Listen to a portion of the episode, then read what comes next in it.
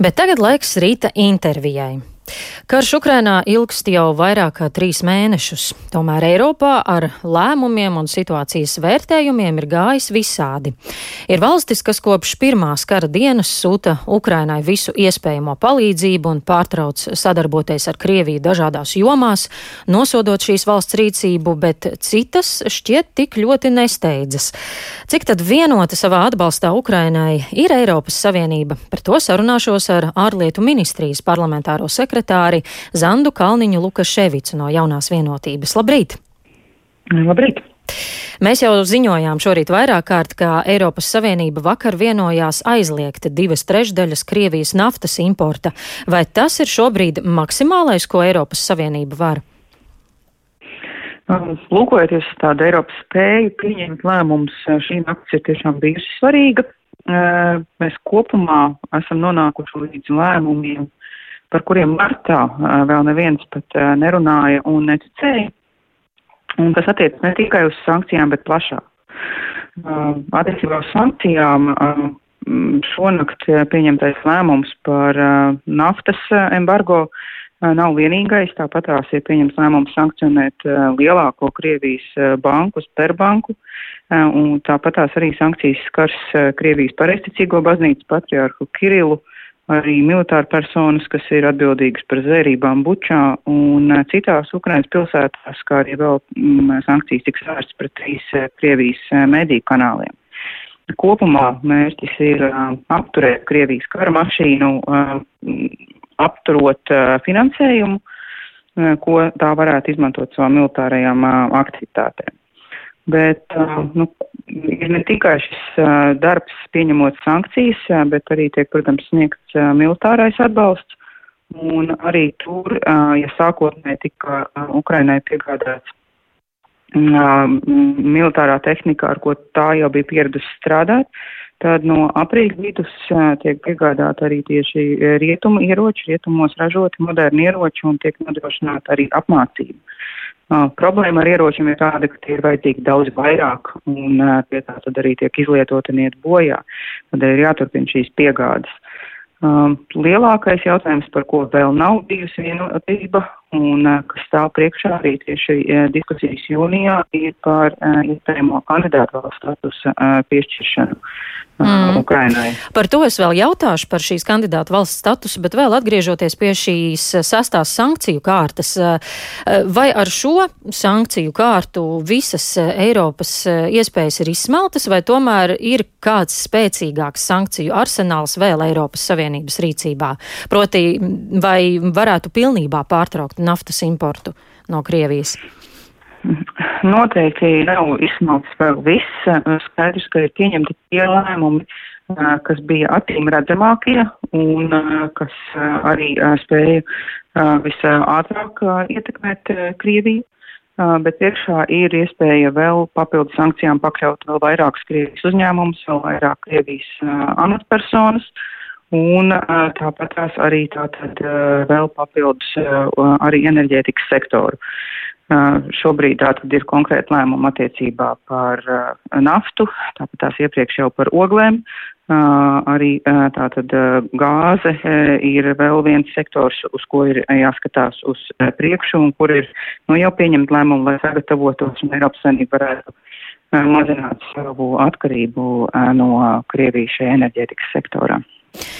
Jā, nu tam, kā Eiropas Savienība pilnībā varētu pārtraukt naftas importu no Krievijas, eh, tā teikt, kāju priekšā liek Ungārija. Par to gan eh, nav nekāds pārsteigums, bet eh, vēl salīdzinoši nesen tādas valstis kā Vācija, Itālija, Francija it kā aicināja Ukrainu padomāt un varbūt atkāpties no kādām savām teritorijām, tā teikt, miera vārdā par labu Krievijai. Cik nopietni ir šādi piedāvājumi, kas ir izskanējuši un par ko tas liecina?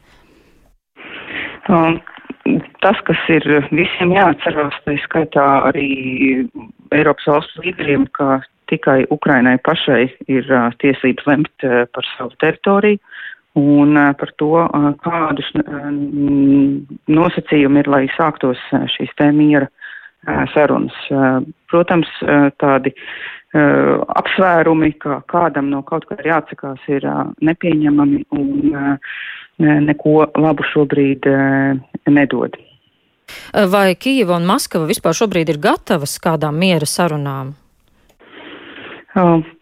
Tas ir tiešām primāri un tikai pašas Ukrainas lēmums, kurā brīdī un uz kādiem nosacījumiem tā var sākt šādas miera sarunas.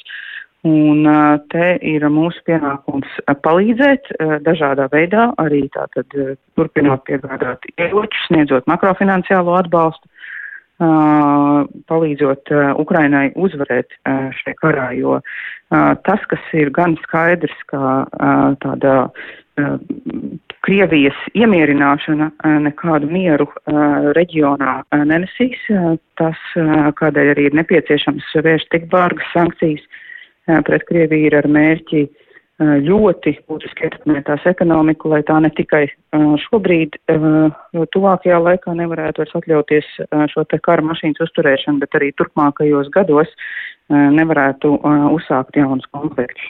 Mm. Um. Vai mēs varētu teikt, ka šis ir karš Ukrainā un uh, visa šī ģeopolitiskā situācija Eiropai ir tāds kā patiesības mirklis? Jo jūs jau sarunas sākumā minējāt, ka vēl martā par tādām sankcijām kā šobrīd neviens nevarētu iedomāties. Uh, ko tas viss liecina? Vai Eiropa ir kāda pagrieziena punkta sākumā, vai, vai tomēr uh, valstis nav tik vienotas un iespējams varbūt varētu būt kāda tāda šķelšanās? Um, kā jau es minēju, uh, tad tiešām uh, esam nonākuši pie lēmumiem, uh, par ko vēl pat jau kara pirmajās nedēļās eksperti un arī politiķi uzskatīja, ka tas nebūs iespējams. Tas tomēr joprojām demonstrē šo Eiropas spēku un spēju pieņemt grūtus lēmumus.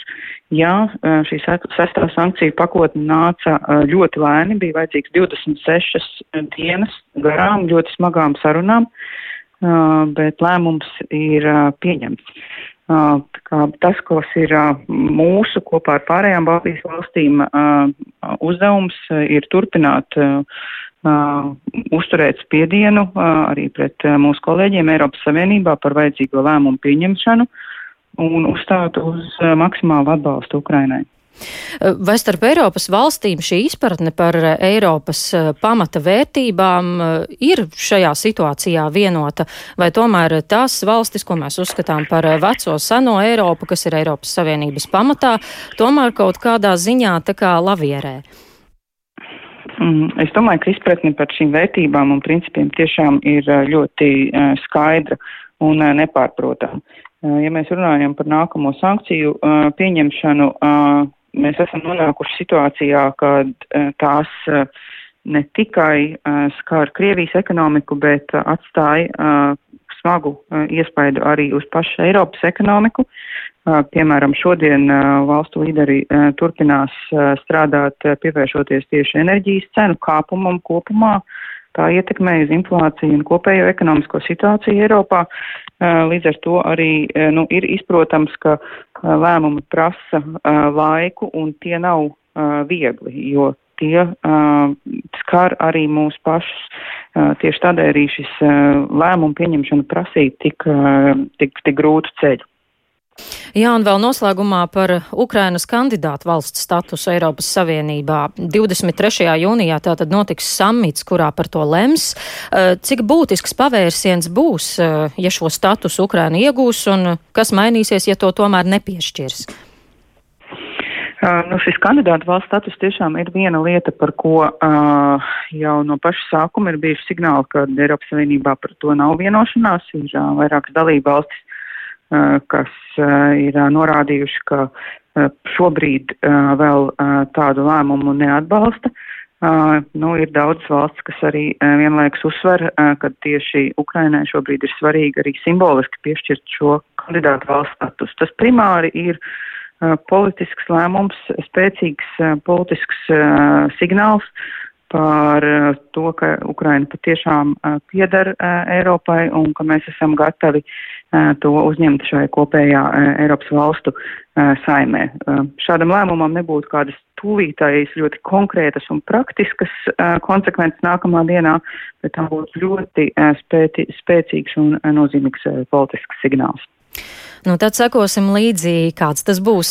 Paldies, saku Eiropas ārlietu ministrijas parlamentārajai sekretārei Zandai Kalniņai Lukaševicai par sarunu.